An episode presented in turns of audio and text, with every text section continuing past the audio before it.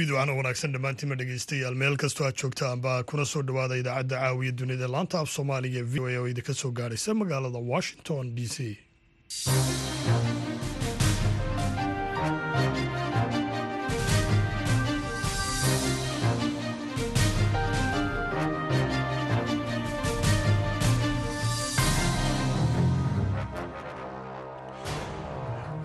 fiidnimo isniina taarikhduna ay tahay lix iyo tobanka bisha oktoobar ee sanadka laba kun iyo saddex iyo labaatan waxaad naga dhagaysanaysaan moojada gaagaaban lix iyo tobanka iyo sagaal iyo tobanka mitirban iyo weliba guud ahaanba dunidood nagala socotaan boggayaga v o a somali com. haatan dhegeystayaal saacadda afrikada bari waxay tilmaamaysaa toddobadii fiidnimo idaacaddana waxaa halkan idinkala socodsiin doona aniga oo cabdixakiin maxamuud shirwa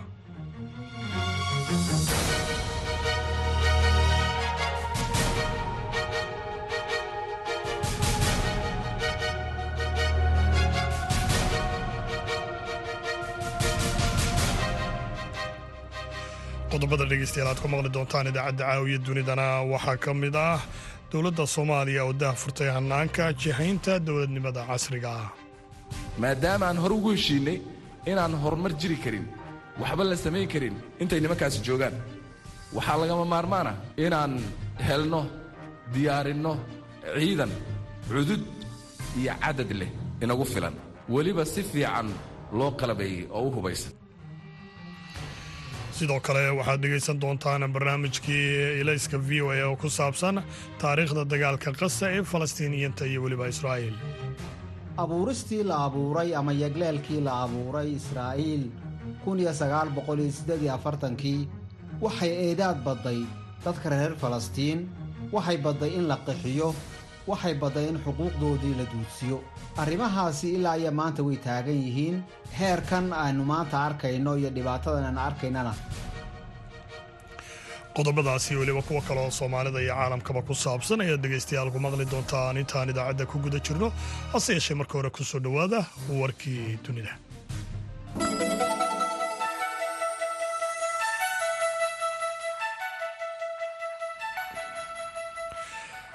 madaxweynaha soomaaliya xasan sheekh maxamuud ayaa booqday saldhigga ciidamada cirka soomaaliya ee ku yaalla garoonka diyaaradaha ee aadan cabdulle. Waxaana madaxweynaha uu halkaasi khudbada dhiirigelina uga jeediyey ciidamada dhowaantan uun ka soo dhammaaday tobabarkii ay ku qaateen dalka eritereya madaxweyne xasan sheekh maxamuud ayaa sheegay ahmiyadda ay ciidamada u leeyihiin dalka xilligan oo la joogo in lagu guda jiro dagaalka ka dhanka al-shabaab ciidankan ayaa qeyb ka ahaa dhowr kun oo ciidamo militari ah oo dowladda federaalk ee soomaaliya loo tababarayay muddo dhowr sanno ah madaxweynaha mareykanka jo biden ayaa dib u dhigay safar uu maanta ku tegi lahaa colorado si loogu qotomiyo amaba looga taaga halkaasi. Bir dheer oo dabka laga dhaliyo waxaana uu aqalka cad sheegay inuu safarkaasi u baajiyey si uu u joogyo aqalka cad uguna sugnaado islamarkaana uu halkaasi kula yeesho ama uu ku lahaa kulamo xidhiidha oo dhinaca amniga qaranka. Iyadoo eegayo inuu socdaal ku tago israa'il xilli ay dagaal kula jiraan xamaas. Mas'uuliyiinta maraykanka iyo israa'iil ayaa isla falanqeynaya suurtagalnimada in dhowaan biden uu booqdo israa'iil. Kadib markii uu martiqaada ka helay ra'iisul wasaaraha israa'iil benjamin netanyahu sida uu xusay ilo wareed arrintan u dhuun daloola axaddii booqashada biden ayaa ah in uu taageero u muujiyo xulafada ugu weyn ee maraykanku ku leeyahay bariga dhexe. Si la mid ah booqashada xogayaha arrimaha dibadda maraykanka antony blinkan oo isagoo haatanba ku sugan gobolka.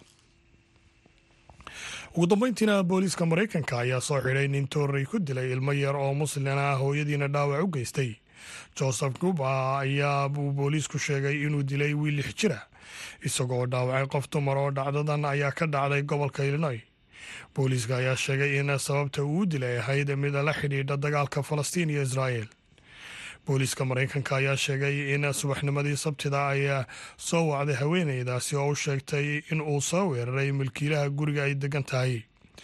Warku waxauu intaasi ku daray in haweeneydu ay sheegtay in ay ku oroday dhanka musqusha oo iyada oo ka cararaysa ninkaasi soo weeraray markii ay askartu yimaadeen goobta ayaa waxay ogaadeen in wiilka iyo weliba hooyadii ay nabaro badan ka qabaan dhinaca laabta.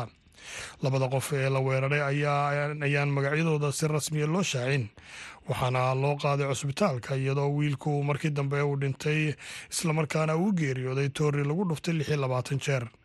Haweeneyda oo dhaawac culus soo gaadhay ayaa la filayaa inay ka badbaado weerarkaasi lagu qaaday dhegeystayaal qodobadii wararka adduunka ugu waaweynaana waa naga intaasi haatanna u diyaar garooba qeybaha dambe idaacadda caawa iyo dunida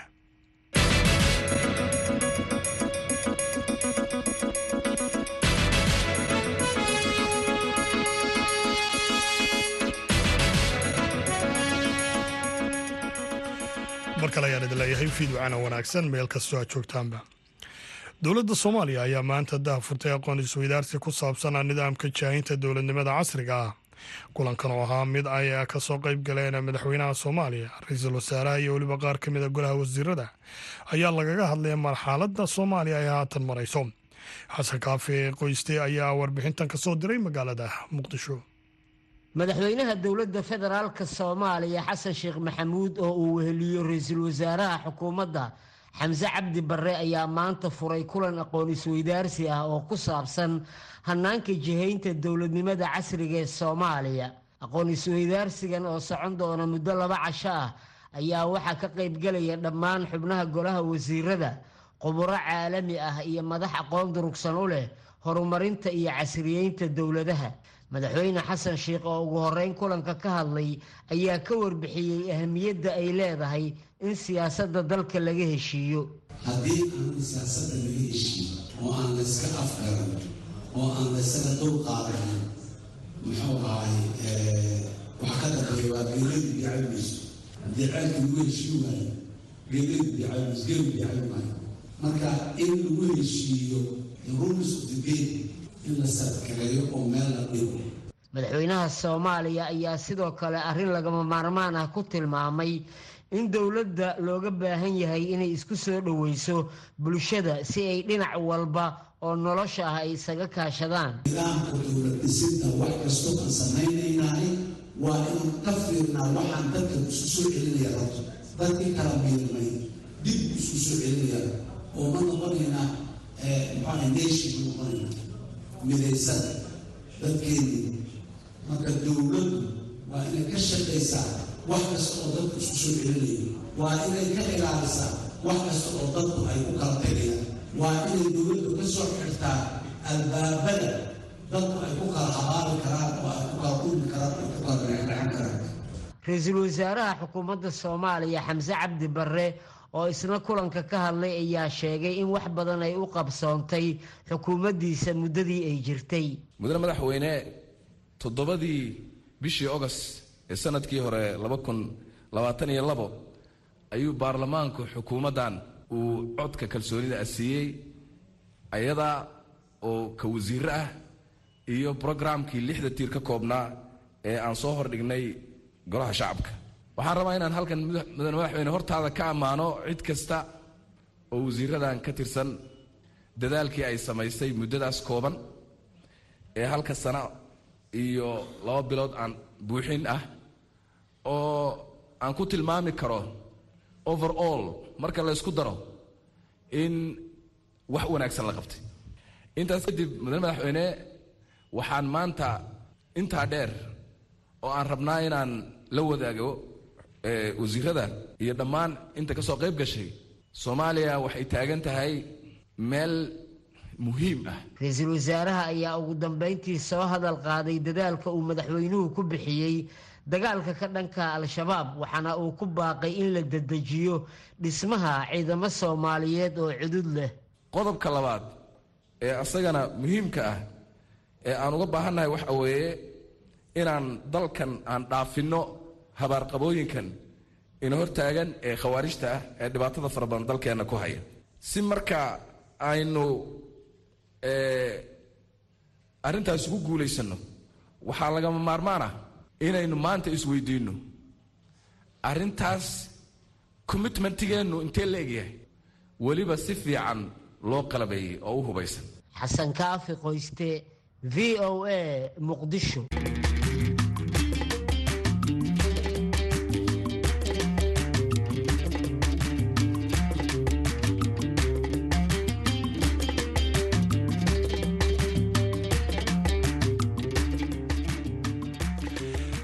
colaadda u dhexaysa israa'iil iyo xamaas ayaa weli meel cakiran maraysa iyadoo ra'iisul wasaaraha israa'iilna uu ku hanjabay inuu burburin doono ururka xamaas. Ciidamada israa'iil ayaa la soo dhoobay xuduudda qasa xogaya arrimaha dibadda maraykanka antony blinkan ayaa isna isniintan maanta dib ugu laabtay israa'iil. Kadib safar uu ku soo maray lix waddan oo ay ku jiraan sacuudiga iyo weliba masar. Wararkii ugu dambeeyey xaaladda bariga dhexe iyo weliba gaar ahaan marinka khasa waxaa warbixin ay v o a ka diyaarisay inoo haysa caasha ibraahin aadan maraykanka ayaa sheegay in la furi doono xadka u dhexeeya marinka khaza iyo masar balse wakhtiga ayaan caddayn iyadoo qaramada midoobay ay ka digtay xaaladaha bini'aadminimo ee khaza ka taagan. Israa'iilna waxa ay u sheegtay falastiiniyiinta ku nool qaybta waqooyi ee dhulkaasi inay isaga baxaan ka hor howlgal ciidan. Xogayaha arrimaha dibadda ee maraykanka antony blinken oo maanta oo isniin ah dib ugu laabanaya israa'iil kadib markii uu booqasho ku tegay dhowr waddan oo gobolka ka tirsan ayaa sheegay in maraykanka uu kala shaqaynayo masar israa'iil iyo qaramada midoobay. Sidii loo hubin lahaa in gargaarka uu galo khaza lana gaarsiiyo dadka u baahan. Dhowrkii maalmood ee la soo dhaafay waxaan u safray israa'iil jordan baxrayn qatar imaaraadka carabta sacuudi arabiya iyo masar. Blinkan ayaa isniintan sidaasi ku yiri bartiisa x ee hore loogu yaqaanay twitter waxa aan ka maqlay mid kasta oo ka mid a saaxiibadeen. Waa aragti isku mid ah si looga hortago iska hor imaadka in uu sii fido si loo ilaaliyo nolosha kuwa aan waxba galabsan iyo in loo helo gargaar kuwa qase ku sugan ee u baahan ayuu yidhi xogaye blinken. Xafiiska ra'iisul wasaaraha israa'il benyamin netanyahu ayaa bayaan uu soo saaray isniintan. Waxa uu sheegay in uusan jirin heshiis lagu gaaray xabad joojin si gargaar loogu oggolaado khaza iyo in ajaanibta ay ka baxaan. Madaxa hay'adda qaramada midoobay u qaabilsan qaxootiga falastiiniyiinta ayaa axaddii shalay waxa uu sheegay in khaza sida hadalka u dhigay cunaha lagu dhigay islamarkaana dhowaan sahayda biyaha cuntada iyo dawooyinka ay dhammaan doonto. Weerarkii toddobaadkii hore lagu qaaday israa'iil waxa uu ahaa mid argagax leh ayuu u sheegay saxafiyiinta. Weerarka iyo afduubka dadka waa xadgudub bareer ah oo ka dhana sharciga caalamiga ah ee bini'aadminimada balse jawaabta laga bixinayo dilka shacabka ma noqon karto in la laayiyo dad badan oo shacaba ayuu yidhi militariga israa'iil ayaa sheegay isniintan in tirada la haystayaasha loo kaxaystay khaza kadib weerarkii xamaas ee toddobadii bishan oktoobar ay ahaayeen boqol sagaashan iyo sagaal qof taasoo kor uga kacday tiradii hore loo sii daayey oo ahayd boqol konton iyo shan qof dadaalka dadka la haystayaasha ah waa mudnaanta koowaad ee qaranka ayuu yidhi afhayeenka militariga daniel hagari. Ciidanka iyo israa'iil waxay ka shaqaynayaan habeen iyo maalin sidii ay dib ugu soo celin lahaayeen dadka la haysto. Xogayaha guud ee qaramada midoobey antonio guteres ayaa ugu baaqay xamaas in ay si deg deg ah u sii dayso la haystayaasha iyadoon wax shuruuda lagu xidhin waxa uu sidoo kale ku booriyey israa'iil in ay oggolaato in si aan caqabad lahayn sahayda bini'aadminimo iyo shaqaalaha gargaarka ay khaza u gaaraan. Mid kasta oo ka mid ah labadan ujeeddo waa sax. Waa inaysan noqon kuwa gorgorton leh guteres ayaa ku yidhi hadal uu soo saaray. Netanyahu ayaa ku dhaartay axaddii siduu hadalka u dhigay in uu burburin doono xamaas iyadoo saddex boqol oo kun oo ciidamada israa'iil ah ay ku soo qulqulayaan xadka marinka khaza ka hor duulaan la filayo oo xagga dhulka ah si ay u helaan oo ay u weeraraan xamaas weerarkii xamaas ayaa waxaa ku dhintay kun iyo saddex boqol oo israa'iiliyiin ah iyo dad ajaanib ah israa'iil ayaa waxa ay boqolaal duqaymo iyo gantaalo ah ku qaaday khaza waxaana ay ku dishay laba kun toddoba boqol iyo konton falastiiniyiina xamaas waxay moodaysay in nala dumin doono ayuu yidhi netanyahu annaga ayaa burburin doona xamaas. Waxa uu sheegay in muujinta midnimada siyaasadeed ay fariin cad u tahay qaranka cadowga iyo caalamka. Soddon qof oo maraykan ah ayaa lagu dilay dagaalka saddex iyo toban kalena lama oga ilaa iyo hadda xaalkooda meel ay jaan iyo cirib dhigeen. Madaxweynaha maraykanka jo biden ayaa muujiyey taageerada uu hayo jawaabta israa'iil ee xamaas isaga oo ku sheegay waraysi uu siiyey telefishinka c b s barnaamijkiisa la yidhaahda sixty minutes oo laga sii daayey habeenkii axadda in israa'iil siduu hadalka u dhigay ay daba socoto koox dad ah oo ku kacay fal waxashnimo ah oo la mid ah midkii holocost madaxweyne biden waxa uu sheegay in israa'iil ay samayn doonto siduu hadalka u dhigay wax walba oo ay awoodaan si ay uga fogaadaan dilka dadka rayidka ah ee aan waxba galabsan. Waxa uu sidoo kale sheegay inay tahay sida hadalka loo dhigay khalad weyn haddii israa'iil ay qabsato marinka khaza kadib weeraro isxigxigay oo ka dhacay waqooyiga israa'iil oo ay fuliyeen dagaalyahanada xisbullah ee dalka lebnaan ayaa israa'iil waxay isniintan ku dhawaaqday in ay ka daadguraysay dadkii degganaa siddeed iyo labaatan tuulo oo laba kilomitir u jira xuduudda. Aad iyo aad ayay dhegeystayaal u mahadsan tahay. Caashe ibraahim aadan oo inala socodsiinaysay warbixintaasi oo ay diyaarisay. Wariyaha v o a ee nooga soo waranta marinka kasa dhinaca kalena kadib markii dagaalka bariga dhexe uu dhacay ayaa caalamka oo dhan waxaa ka dhacay banaanbaxyo lagu kala taageeraya labada dhinaca israa'iil iyo weliba falastiiniyiinta. Magaalada los angeles ee wadanka maraykanka ayaa xubno ka tirsan dadka yuhuudda iyo weliba falastiiniyiinta ayaguna sameeyeen banaanbaxyo. Warbixin ayaa qortay amaba ay diyaarisay jinia dulet oo ka tirsan v o a waxay noo soo koobaysa sahra cabdi axmed ayada oo uu sii socdo dagaalka israa'iiliyiinta iyo kooxda xamaas ee falastiiniyiinta ayaa meel fagaara ah waxaa isugu soo baxaya tobannaan kun oo dad ah oo ku nool daafaha caalamka si ay u muujiyaan taageeradooda labada dhinac ay u kala hayaan. Magaalada los angeles maalintii isbahaysiga israa'iil ayaa lagu qabtay axaddii meel ku dhow madxafka museum of tolerance halkaasi oo karen avital oo ka soo shaqaysay militariga israa'iil ay sheegtay in israa'iiliyiinta iyo falastiiniyiintu aysan awoodi doonin inay ku wada noolaadaan nabad ilaa iyo inta xamaas meesha laga saarayo. Magaalada los angeles maalinta isbahaysiga israa'iil ayaa lagu qabtay axaddii meel ku dhow madxafka museum of tolerance halkaasi oo karen evital oo ka soo shaqaysa militariga israa'iil ay sheegtay in israa'iiliyiinta iyo falastiiniyiintu aysan awoodi doonin inay si nabdoon ku wada noolaadaan ilaa inta xamaas meesha laga saari doono.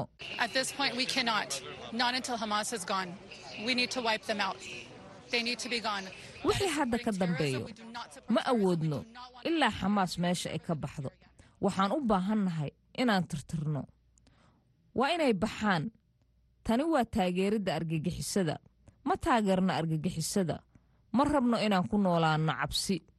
Weligeen kuma noolaan doonno cabsi cabsi mar dambe mid ka mida dadkii haddaba ka soo qayb galay kulankaasi oo lagu magacaabo matt rosenberg ayaa sheegay in inadeertiis iyo ninkeeda lagu dilay weerarkii toddobadii oktoobar ay xamaas ku qaaday israa'iil wuxuuna ka warbixiyey sida xubnaha qoyskiisa ay ula xiriirayeen wiilka lamaanahaasi oo lix iyo toban sano jir ah intii weerarka uu socday oo dhan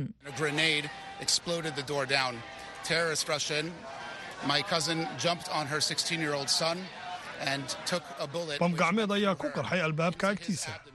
argagixisada ayaa ku soo yaacday in adeertay waxay ku boodday wiilkeedaoo lix iyo toban jir ah waxay qaaday xabad ka gashay caloosha. waxa wiilkii si mucjiso leh ugu badbaaday laabta hooyadii muddo saacadaa toban ilaa iyo labaiyo tobankii saacadood ee isxigay. Qoyskayagu waxay si toosa ugu jireen khadka watsapka oo ay kula hadlayeen wiilka lix iyo toban jirka. Ah iyagoo ku tababarayay xaaladda sida argagixisada aanu isu tusin kuwaasoo saddex jeer ee guriga dib ugu soo laabtay. Maalin ka hor dhowr kun oo falastiiniyiinta maraykanka ah ayaa isugu soo baxay afaafta hore ee qunsuliyadda israa'iil waxayna ku mudaharaadeen halkaasi iyagoo ka soo horjeeda duqeymaha ay israa'iil ka geysanayso marinka gaza. Thawra oo xubin ka mid ah dhaqdhaqaaqyada dhallinyarada falastiiniyiinta codsatayna in magaceeda dambe aan la isticmaalin sababo la xiriira ammaanka ayaa sheegtay in dulmiga israa'iil ay ku hayso falastiiniyiinta uu yahay mid xaddhaafa But they have been denied basic human resources. They have been denied food, water, electricity. waxaa loo diiday wax kastoo aasaasiga nolosha aadanaha muhiim u ah waxaa loo diiday cunto biyo koronto shidaal daawo iyo wax kasta oo aad ku fikiri karto waxaa loo diiday dhinac walba oo nolosha aadanaha ah waxa muhiimka u ah taasi ay ugu wacan tahay qabsashada iyo soo buuxdhaafinta ciidamada gumaysiga milatariga ee falastiiniyiinta.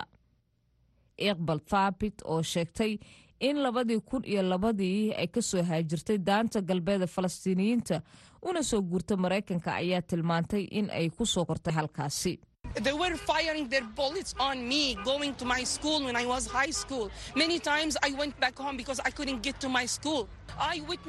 Waxay igu soo rideen rasaas anigoo aadaya dugsigayga markii aan dhiganaya dugsiga sare. Marar badan ayaan guriga ku laabtay sababo la xiriira inaan aadi waayo iskoolka.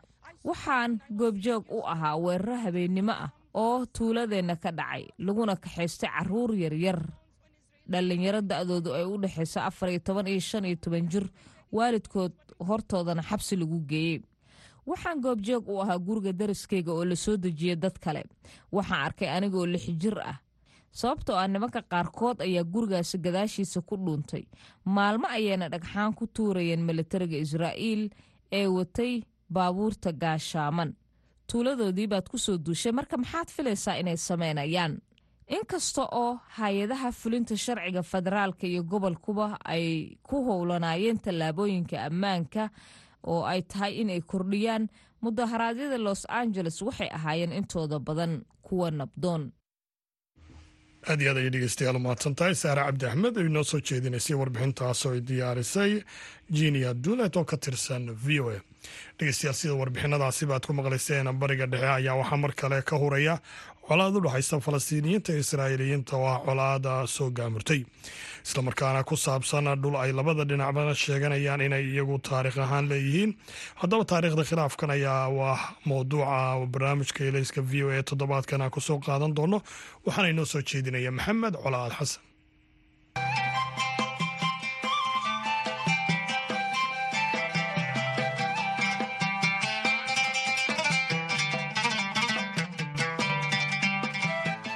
khilaafka u dhexeeya falastiiniyiinta iyo israa'il ayaa sida taariikhyahanadu sheegaan salka ku haya taariikh fac weyn iyo dhacdooyin ku xusan taariikhaha islaamka kiristanka iyo yuhuudda.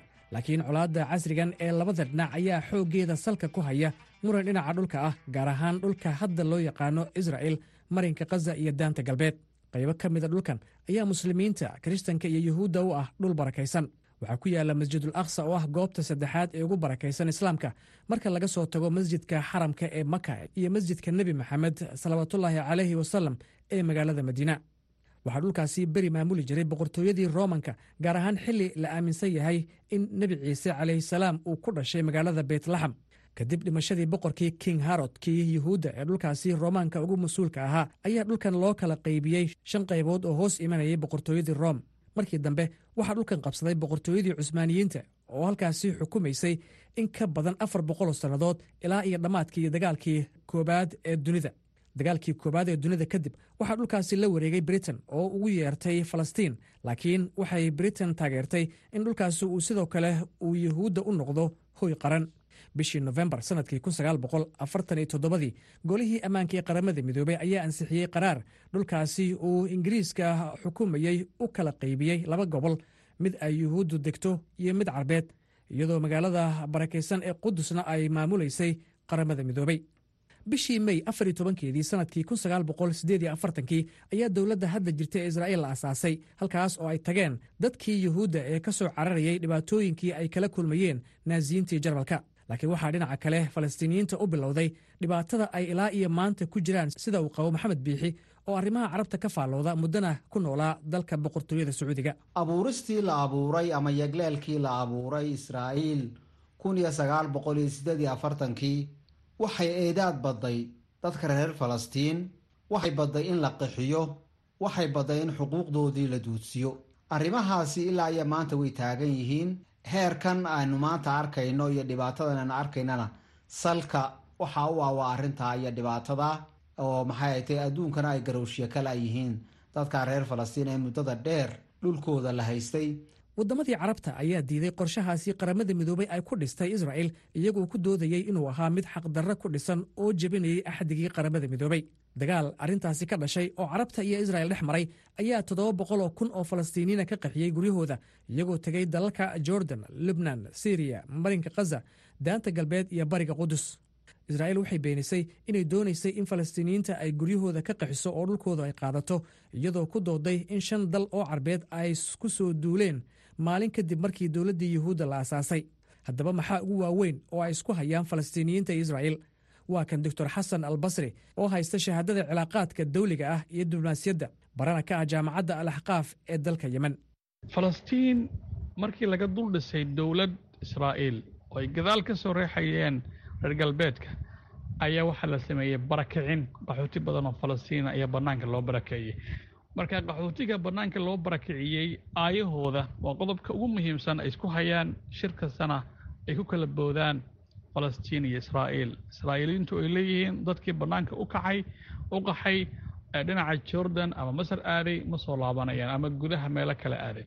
Halka falastiiniintu ay ku doodayaan dadkaasi deegaankoodii iyo guryahoodii bay xaq u leeyihiin dib ha lagu soo celiyo. Waxaa kaloo qodobada ka mid ah isku hayaan falastiin iyo israa'iil deegaameyntan cusub ee israa'iil gadaal ka soo riixayso oo ay dad yahuuda ah ay guryo falastiinta ku dumiso ayagoo markaa ruqsaddii kala laabanaya maadaama maamulka gacanta ku hayaan ruqsad bixinta halkaana dadkii yahuudda ee kor ka yimid marka yemen iyo etoobiyada falaashada ruushka jarmalka maraykanka galbeedka wixii ka yimaada yahuuda ayaa deegaamo cusub loo samaynaya halkaana qodobkaasna way isku haystaan falastiiniyiinta iyo israa'iiliyiinta. Waxay kaloo isku haystaan aaya ka talinta magaaladan qudus yaa raacsanaan doontaa. Falastiiniyiinta waxay leeyihiin dowladda aan dhisi doonno. Waxaa caasimad u noqon doonta jerusalem qudus. Ayay caasimad u noqon doontaa. Waxay kaloo isku haystaan waxa weeye falastiin iyo israa'iil.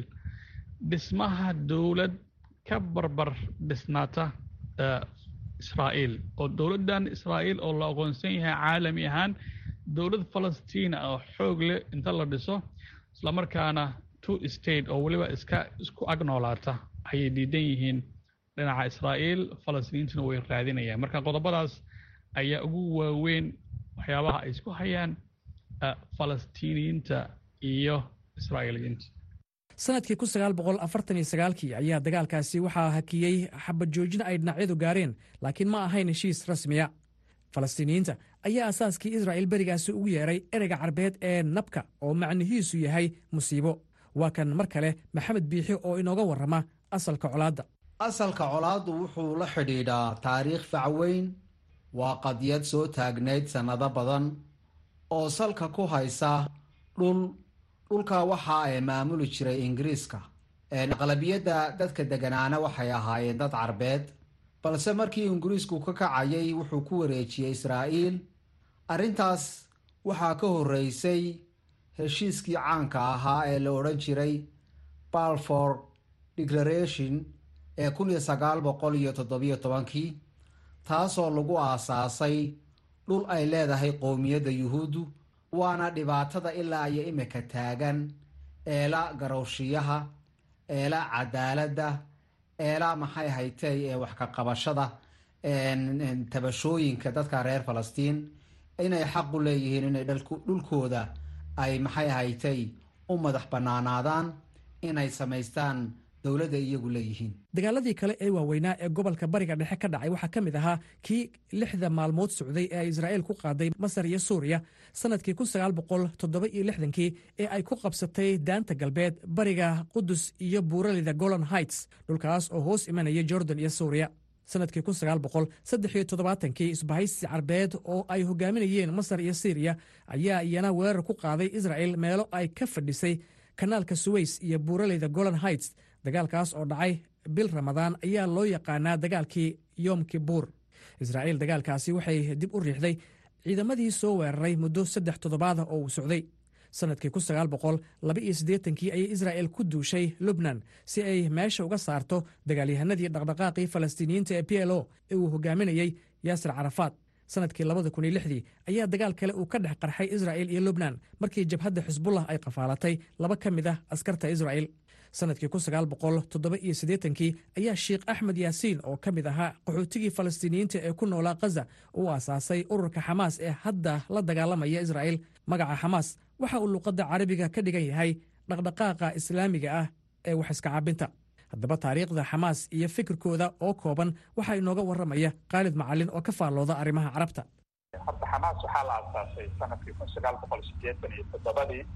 aasaasay toddobadii waxaa aasaasay koox oo fikir ahaan u dhow fikradka akhwaan muslimiinka ee masar markaad ugu horreey u aasaasanayeen xasan ilbanna kun sagaal boqol labaatan iyo afartii meelahaas. Fikir ahaan waa koox aaminsan wax iska caabinta ama jihaadka oo kooxaha jihaadiyiinta ee falastiiniyiinta ah kabacdi ujeedada ugu weyn mar oo loo asaasay waxay in israa'iil la iska celiyo. Hogaamiyahooda ugu horreeya wuxuu ahaa nin la yidhahdo axmed yaasiin falastiin aduqeyn ku dishay. Hogaamiyahooda labaadna wuxuu ahaa nin la yidhahdo cabdicasiis fantiisi isla maalmo kadib markii asagana la dilay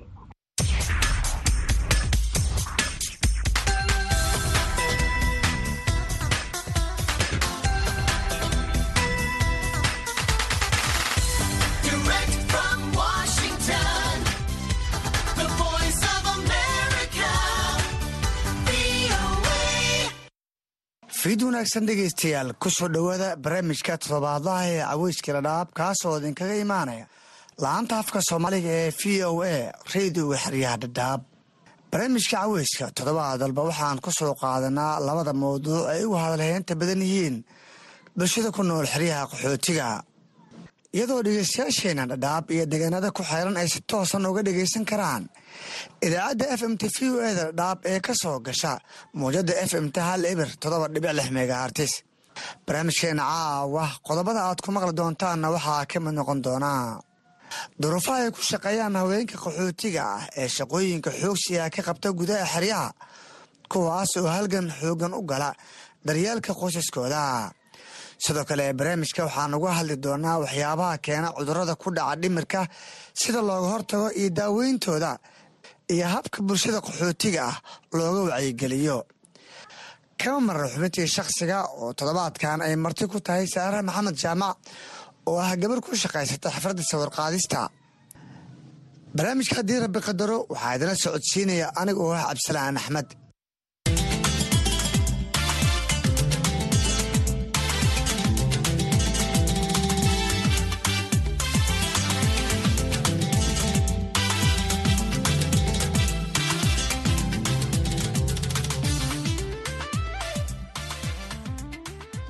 duruufaha adag ee ku gadaama nolosha qaxootinimo ayaa kumanaan dumara ku qasabtay inay dusha u ritaan mas'uuliyadda daryeelka qoysaskooda maadaama badankood ragga qaxootiga ay yihiin kuwo aan shaqayn taasoo sii adkaysay nolosha qoysaska qaxootiga ah.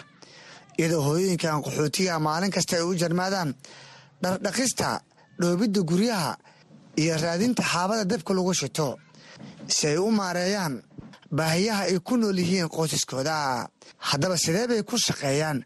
Haweenka xoogsatada ah ee ku nool xeryaha waa tan xaawo abuukey xasan oo ka mid a qaxootigaasi aniga qaab fiican horta ku shaqey mahay sida maradhiga ku shaqeyna guri dhoob haddii helana guriga ku shaqeyna waxa qaable oo shaqe aniga haddan haysadana ma leh halkee baad marka u shaqa doontaa buulo nyaanya meel la dhaha oo geeskaas ee shaqo u doona guud ahaan oo hara dhagahli ah guri guri aw garaca guriga guri qaarkoorana maga helaay markii aniga intay dhoor oo hal sac amal socda yaa hal guri shaaqo ku hela.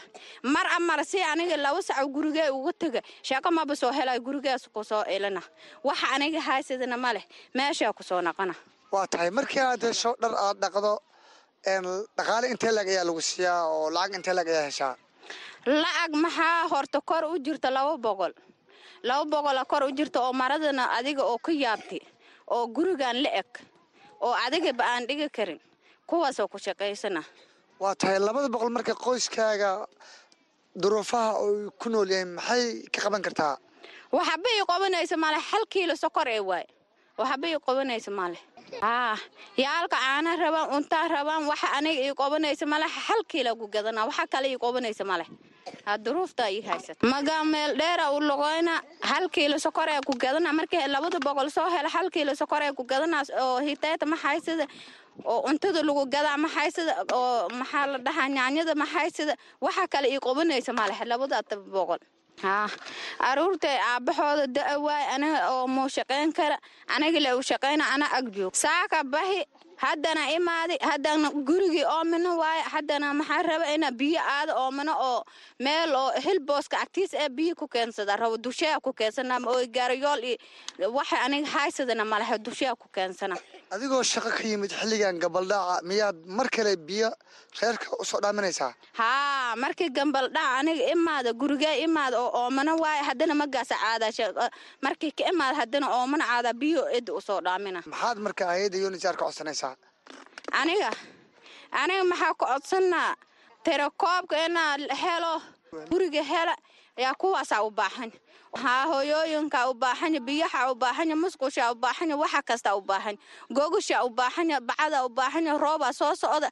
Rafaada ku jira rafaad ilaahay bixinaya ilaa kan gaargaar inaa liisii yaa rabo aad bay umahadsan tahay taasina waxay ahayd xaawo abuukii xasan oo igu warantay gudaha xeryaha dhadhaab ee gobolka waqooyi bari dumarkan qaxootiga ah oo badankood ka soo barakacay abaaraha ayaa ku shaqeeya duruufo aad u adag ayagoo qaarkood ay yihiin kuwo da ah oo aan qaban karin shaqooyinka culus. Balse waayaha qaxootinimo ayaa ku qasbay inay ku shaqeeyaan xaaladahan aad ku adag. Balse arrinka xanuunka leh ayaa ah in dumarkan qaarkiis bishii ay ku shaqeeyaan lacag ka yar labaatan dollar ayagoo aan helin tacaamul wanaagsan iyo qadarin bini'aadanimo waa tan ambiyo macalin xuseen oo arrintaasi v o ada u sharaxday annaga meesha dhibaataa nagu haysataa waxaa aniga aan uboodnana maleh biyana kuma haysano gurina kuma haysano waayahay ambiyo waxaad sharaxdaa shaqooyinka aad qabataan iyo qaabka u shaqaysaan annaga dhardhagaal waay. Guri dhoob dhardhaqaal alaab dhaqow daarad haaqow wixii noo soo baxa ilaahay noo soo qor bishiina kun iyo lix boqol aan ku shaqaynaa bishii oo dhan kun iyo lix boqol oo shilin waa lacag u dhiganta lix toban dollar. Lix iyo toban dollar waay. Aa saasaa jirta. Waa tahay kun iyo lixdaas markaa nolosha qoyskiina maxay ka qaban kartaa maadaama aysan gasacad caanaha aadan ku iibsan karin?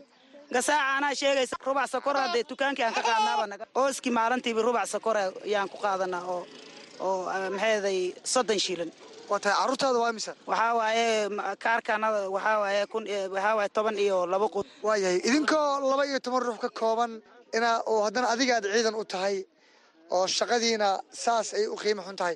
Bal maxaa dareentaa marka maxaan dareemaaya haddee waxbaba ma haysana? Annaga kaarkii waxaan ku qaadanaa oo masar iyo qamadi aan ku qaadanaa haddana kun iyo lixdaas boqol ah aan iska biidbiidhaysana wax kale aan ubodna ma aabbaha oo guriga jooga hataa kun iyo lixda boqol annagaaba keegna ma ogi raggaanada wax ku shaqeeyaaba la waysan yahay.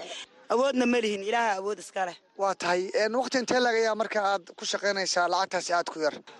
Saaka salaadii aan hal saa imaaday hadda kow iyo tobanka saacaddaan ka soo baxay bal ka waran carruurtii aad saaka cidlaysay iyo xaalkooda waxababa haddee carruurta haddee hooyadoodaba haddii dhardhaqaal aadee ishooda waa iska dheer tahay waxaa qaadanay male waxay awoodaanna qamadiisa iyoona masartaasa isku darsadaan. Wax kale awoodaan male waarikowkaasa iska saardaan waxaan ka hodsanayaa guri iyo guri sharaf leh inayna siiyaan gobol ma haysano maxeeda biyo ma haysano. Waa rafaasannaha haddii awoodda ilaah iskale wixii ilaahay noo soo qor inay noogu soo qaadaan dumarka qaxootiga ah ayaa kaalin weyn ku leh daryeelka qoyska.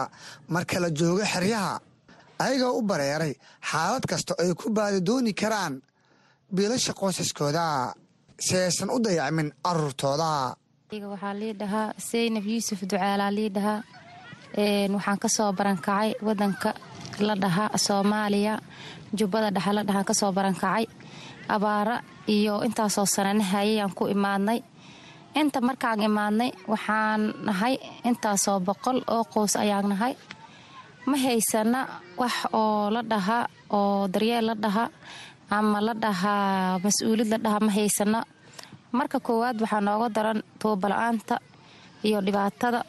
Marka labaad markaan ilmaha aan u waayno waxaan dib aan ugu shidano wixii heer waxaan gaarnay inaan annaga israacno oo ayadoon duurka aan ka baqayno oo wixii hadda micnaha oo lagu soo guru lahay qoryaha lagu soo guru lahay gaadiidka aan haysanin inaan u baxno oo ilaa iyo intaas lix saacadood camal toddoba saacadood ka bacdi aan imaadno. Markaan imaadnay gurigeenni wixii nooga dhisnaay oo maryaha ahaay dameero. Waa tahay in xaabada halkeebaad u doontaan xaabada adiga micnaha waa meel fog oo intaasoo kilomitr jirta. Ani maanan qiyaasin. Waa meel dheer oo lagtaka xagga ayaan ka soo dabarka ugu soo gurnay. Dhibka koowaad oo na haysta waxaa waaye wakhtigaas meeshaas aan tagnay iyo cabsida na haysato ayaa hadda dhibka koowaad oo na haysta waxaa waaye dhibaatada cabsida damar baan nahay. Wehel rageed ma haysana. Marka intaasoo dhibkayga u kooban yahay. Waa tahay seynab koox koox dumara miyaad isku raacdan xilligase aad xaabada doonaysaan maxaa culaysa oo dareentaan saddexa qof ayaan isku raacnaa marna afar qof aan isku raacnaa marna saddex qof aan isku raacnaa. Markaan hela laba qof hatada waan isku raacnaa. Haddee ilaahay baan iska tala saaranaa haddii micnaha aan wax aan la kulannona waa sidaas. Haddii waxba aan la kulmine ilaah unbaan iska tala saaranaa badbaada ilaah unbaan ku imaadnaa. Waa tahay ma kareetooyin miyaad wadataan? Mase xaabada dhabarka ay ku soo qaadaan dhabarka ayaan ku soo qaadnaa. Maantada haddaan taaganahay dhabarka ayaan ku soo qaaday. Marka goor dambe oo waxaan imaada salaada casirka kabacdee sidii goor saddex saaca aan u baxay marka dhabarkaan ku soo qaadanaa koley wuxuu ilaahay qoro waa lala kulmaa. Laakiin ilaahayga naqalqun baan talada saaranaynaa. Wax hadda annaga aan agoodna ma laha allah unbaan talada saaranaynaa waayo wixii waan u baahannahay hadda ka horo dhibaatooyin dumar la kobsaday waa la sheegayey. Ayadoo wixii la sheegaayo oo dhagteenna wixii ay qabto ayaan iska baxnaa ilaahay baan talada saaranaa haa ileen baahi ana haysa wixii hadda ilmo dhidhinax baa noo fadhiya taa darteed aan ku baxnaa. Waa tahay maxaad ka codsanaysaa marka haydaha samafalka maadaama qaxooti cusub aad tihiin culaysyo badan oo dhinaca nolosha aad dareemaysaan marka koowaad walaalow macaanow tuuba ma haysano gaarigii oo hadda gaari haddaan haysano gaari gacan aan haysano hata qoryaha xaawada oon iskaga soo qaadan lahayn dhowr ma aana soo saarateen. Annagoo dhowr qof eh nafteen maadaama halalooba ay tahay waa iska soo saaran lahayn hadda haddaan gaari gacan haysano waan ku keensan laheen walaahi ma qiyaasna? Waxaan hadda aan rabna oo gargaare. Ah biyihii gaaragacanadii jirgaamadii micnaha oo lagu soo darsan lahay. Maacuunti dadka dad oo barankac ku imaadi waay. Maacuuntoodii soomaali jirta wax lagu soo qaata la waay oo la soo qaadan waay. Marka waa kaa waxyaabo tiro badanaa codsanaynaa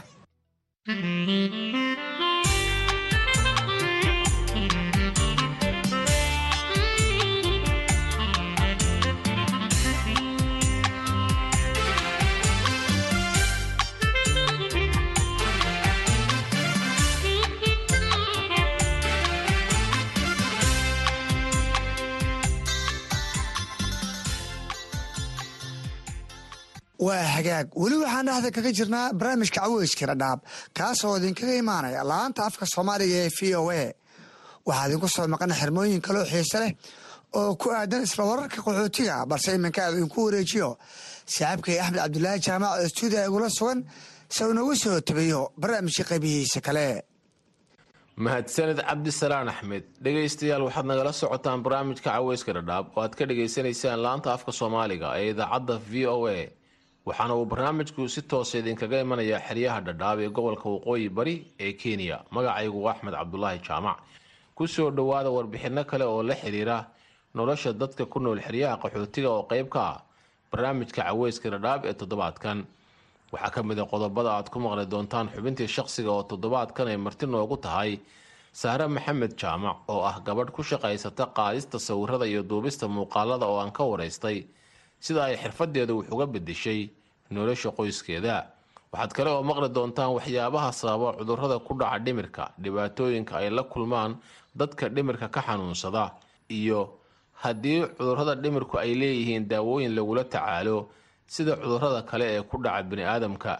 Waxaa barnaamijka qayb ka ah nin muddo dheer la ildarnaa cudur ka haleelay dhimirka laakiin hadda ka caafimaaday kadib markii uu daaweyn ka helay goobaha caafimaadka ee xeryaha qaxootiga haddii aan ku bilaabo dhegaystayaal xubinta shaqsiga dhallinyarada xeryaha qaxootiga oo aan badankoodu helin shaqooyin markii ay dhammeeyaan dugsiyada sare ayaa barta xirfado dheeraada oo ay qaarkood ku helaan. Shaqooyin ay ku maareeyaan noloshooda iyo tinqoyskooda. Saare maxamed jaamac waa gabarh baratay xirfadda sawirqaadista iyo duubista muuqaalada.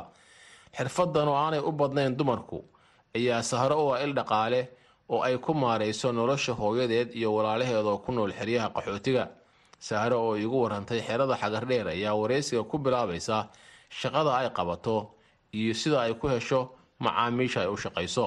Shaqada aan qabto maxaa waaye? Sidii sawirka loo qaado sidii fideoyaasha loo duubo waxaan u qabtaa for example ahaan sawiraha markii la qaadayo anu waxaan ka qaadaa gabdhaha. Gabdho qaaraa jiro oo sheeqyaal leh oo aan ogoleen niman inuu sawir ka qaado sidii camal sawir haaf hadday rabaan aroos hadday yihiin marka gabdhahaas camal sawiraanta waan ka qaadaa waxaa kaloo aan sameeyaa muxaadarooyinka markay dad ay xalfad ay qabaan muxaadarooyinkan u duubaa sawiraanta anaa ka qaado.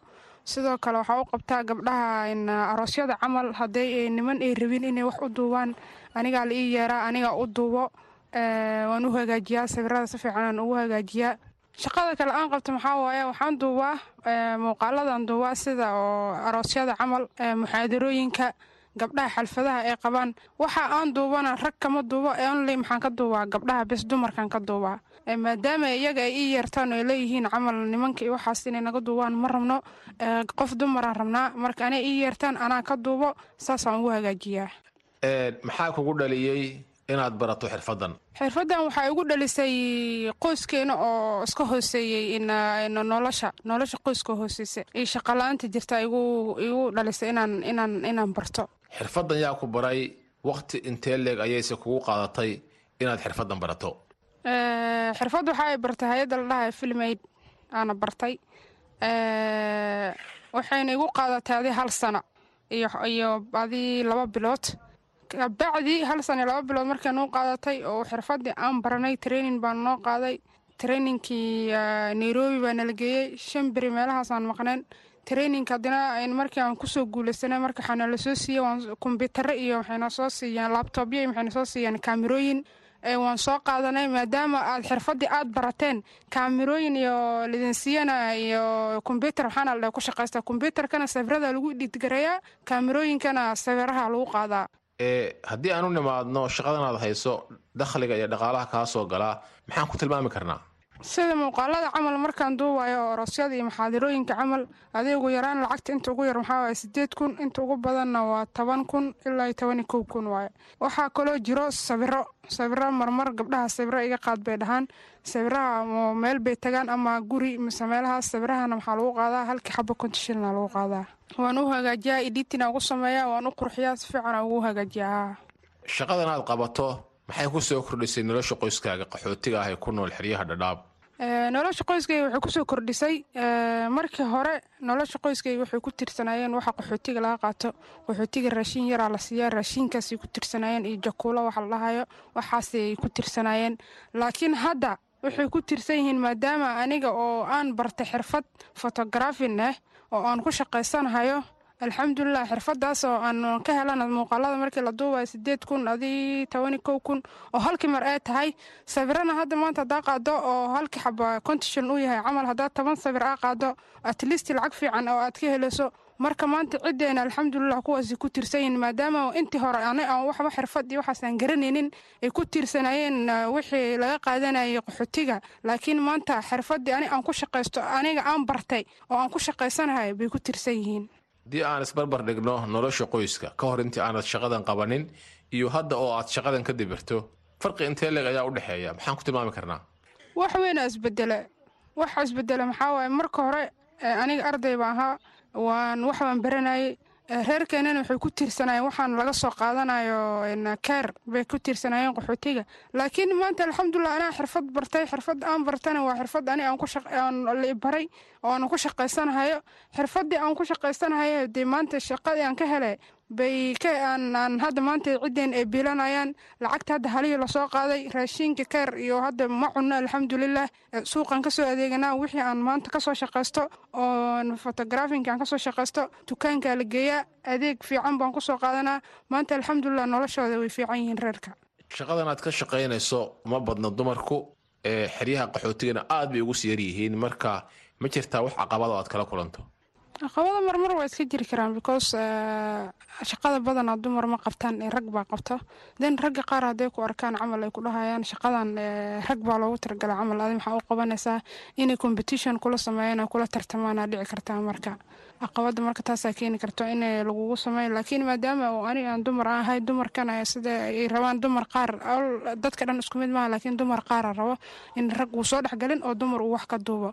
Marka kuwaas camal a ii yarto aan u qabtaa. Dho badan oo aymigaaga ah oo xeryaha dhadhaab jooga dugsiga sare markay ka baxeen wax kale oo xirfada ma yeelan guryaha ayay iska joogaan haddaad weydiisano shaqa ma haya bay ku leedahay oo shaqa waan ku waayey waxbarashadaydii. Maxaad gabdhaha kula talin lahayd?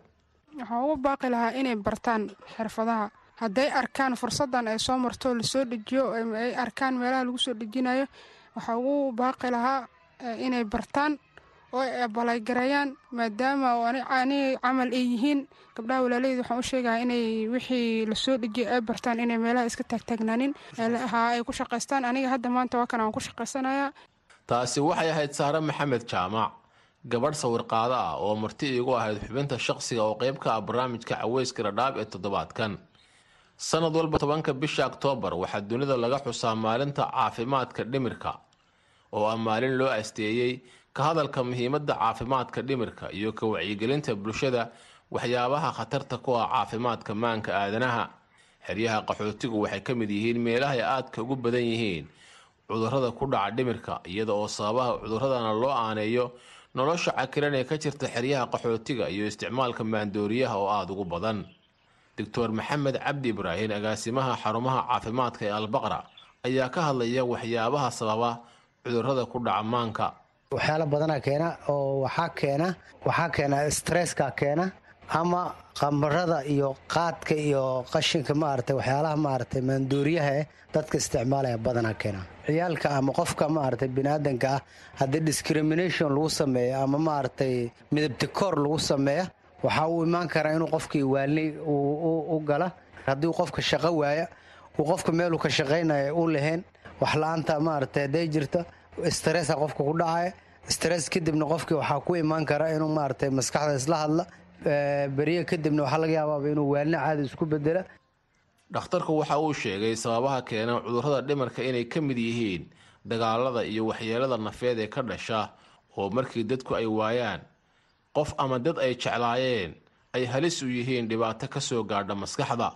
Qofka haddii maaragtay dadkiisii qofkiisa haddii la laayo waalnida way ku imaan kartaa oo maarata qofka because qofka waxawaaye wuu naxayaa naxitaanka keeni kara. Haddii lagu dhaho camal dadkiinia meel heble lagu laayay ama dadkiinia saas ku dhacday ama dadkiinia saas dhib ku dhacay dadka waay badanaa way u imaataa inay maaragtay naxaan kadibna maskaxdooda isbedesho waalnina ay ku imaato doctor maxamed ayaa sheegay in habka dadka soomaaliyeed qaarkood ay ula dhaqmaan dadka dhibirka ka xanuunsada aanu ahayn hab wanaagsan oo loo baahan yahay. Dadka maaragtay maskaxda laga gala hebelowaalo waa la dhihi hebelow saana la dhihi waan ognahay waa ka warhaynaa waxaas waxaa kaloo qofka aan u sheegaya dadka soomaalida aan ka wacyigelinaya wadanka jooga waxaan ka wacyigelinayaa inay maaragtay qofkii ay maaragtay ay kayagareeyaan cuntadiisa ay si fiican u siiyaan baahidiisa maaragtay ay kaafagarayaan si uu qofkii suuqa aan loogu sii daynin uu baahi ay u qabanin hunguri u raadsanin ama qashinka meelaha lagu aruursanin waxyaalahaas inay ilaaliyaan ka wacyigelinaya dad badani ma aaminsanayn cudurrada ku dhaca dhimirka ay leeyihiin daawo lagula tacaalo. Doctor maxamed ayaase sheegaya in cudurradaasi ay leeyihiin daawooyin oo si fududna laysaga daaweyn karo haddii qofka maaragtay dhimirka laga gala waa daawooyin loogu tala zbzka walahi jirta. Daawooyin badanaa jira oo kala noocno ah waxayna ku xiran tahay levelka qofka uu maraayo stageka uu maraayo oo maskaxda uu maraayo ayay ku xiran tahay in daawada loo siiya waxaana siin kara only dhakhtarkii loogu talagalay daawada maskaxda loogu talagalay baa siin kara. Xarumaha caafimaadka ee xeryaha qaxootiga waxaa ku yaalla qaybo qaabilsan daaweynta cudurrada ku dhaca dhimirka. Muuse cabdulqaadir cabdi oo muddo afar iyo labaatan sano ah la xanuunsanaa cudurka ka dhacay dhimirka ayaa ka mid a dad badan oo xeryaha qaxootiga looga daaweeyey cudurro ay muddo la xanuunsanaayeen. Muuse ayaa ka hadlaya waxa uu u malaynayo inuu sabab u ahaa cudurka ku dhacay iyo sida uu xaalkiisu ahaa ka hor intii aanu ladnaanin. Dagaaladii sokeeya inay badnaa xabadii badan dadkii meelkii badan argagixisa toddobaatan siddeetan nin oo meel ku dhimata arkay madaxdaydu aad bay adkaayeen oo gawaaridii waan jejebin jira oo gaarida qaadka ku raran waan jejebin jira oo qaadka haddaan laga siin gaariga muraayada dhulkan ka dhigi jiray. Ilaa markii talo uu iga bixiyo la fariisto iyo qaadaska ii xafiyaanba markii dambena adugu caafimaad ii keene oon afar jeer camal bogsatay waan laabanaya haddana. Lix toddoba jeer camal ii keene markaan bogsatay ismaaciimo soomaaliyan ku laabanaya. Sideed sanaan daawada qaadanaya. Muuse waxa uu sheegay inuu hadda soo dhoweeyo la sheekaysto oo taageero dadka qaba cudurrada dhimirka isaga oo dib u xasuusta. Dhibaatadii uu isaga laftiisu ka maray xanuunkii uu la noolaa muddada dheer. Waxaan dareema oo ku soo dhacda garabkaan qabtaa hadduu ii qabto imika ilaa xadgu wadaa kursigaan fariisiyaa haddaan kursi ku fadhiyan kaan ku fadhiya aan oo kaca waan fariisiyaa sababtoo tii aniga ii haystaan soo xabsanaya waan waaniyaa. Inta badan ninka xanuunsan markaa micnaha si ilaahiga xasuus micnaha oo bini'aadinimo aad ula qas markaa wuu kala garanaya inta badan way ii qabsamaan sababtoo anaa markaa xanuunsan u qabsoomi jiro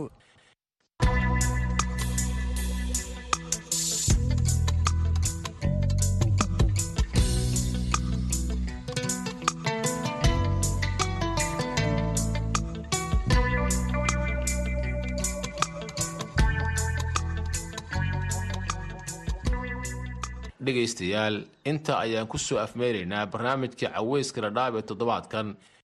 Intasi aanan ka bixin aan mar kale mikrofoonka ku soo dhoweeyo saaxiibkay cabdisalaan axmed cabdisalaan oo barnaamijka ila daadihinayey mahadsanid axmed dheere dhegaystayaal haatan nala dhegaysta heesta barnaamijka.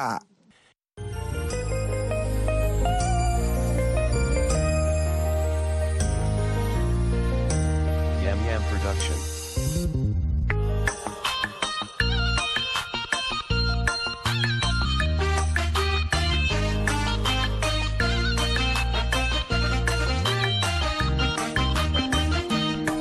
Qofku rabay kaajeesiyo babagayo ku joogsiye badhaadhiyo waxay tahay jannoo kale qofku jecelaadoo jecel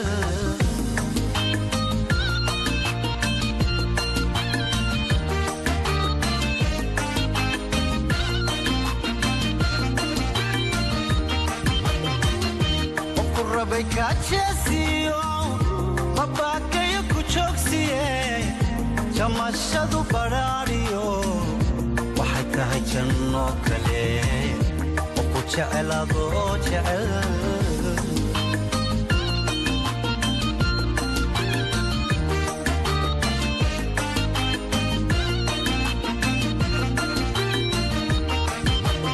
aniguna aniguna jaleecada istadiga jirtaabay indhaxaygu jiriya iga dhaari jiibkana qof jalan maseexde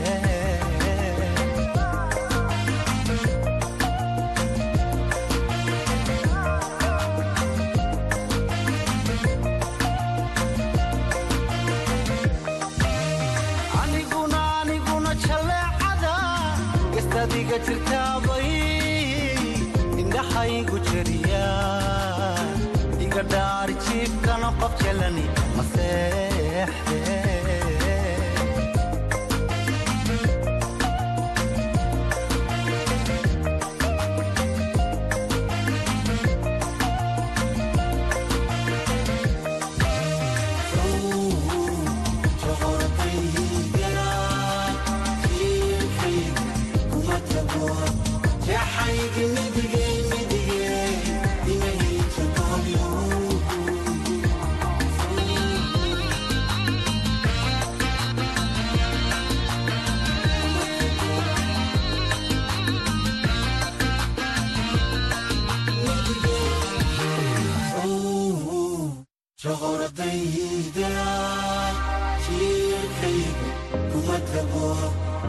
maseexde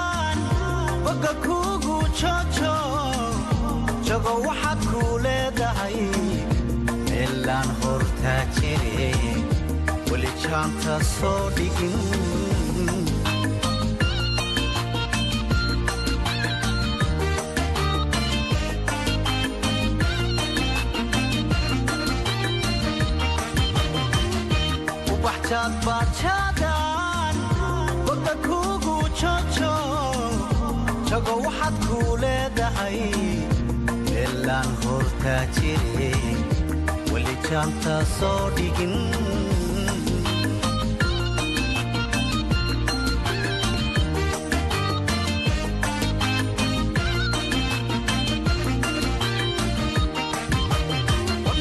Wadnaha jalbeebtiyo sasisada ku jaxaasmiyo niyad ku jiljilcdaajaha gudhayaya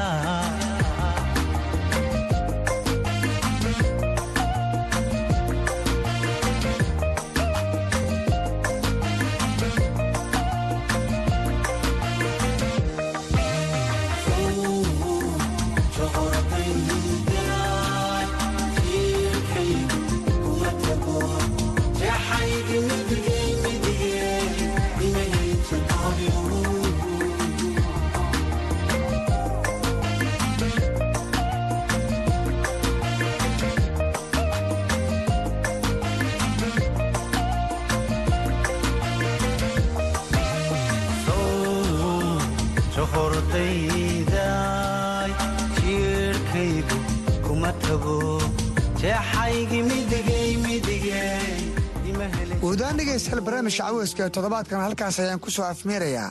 Barnaamijka waxaa idii soo tibinaya anigoo cabdisalaan salas iyo saaxiibkay axmed deere tan iyo toddobaadka dambe intaa dib u kulmi doono waxaan idinku dhaafaynaa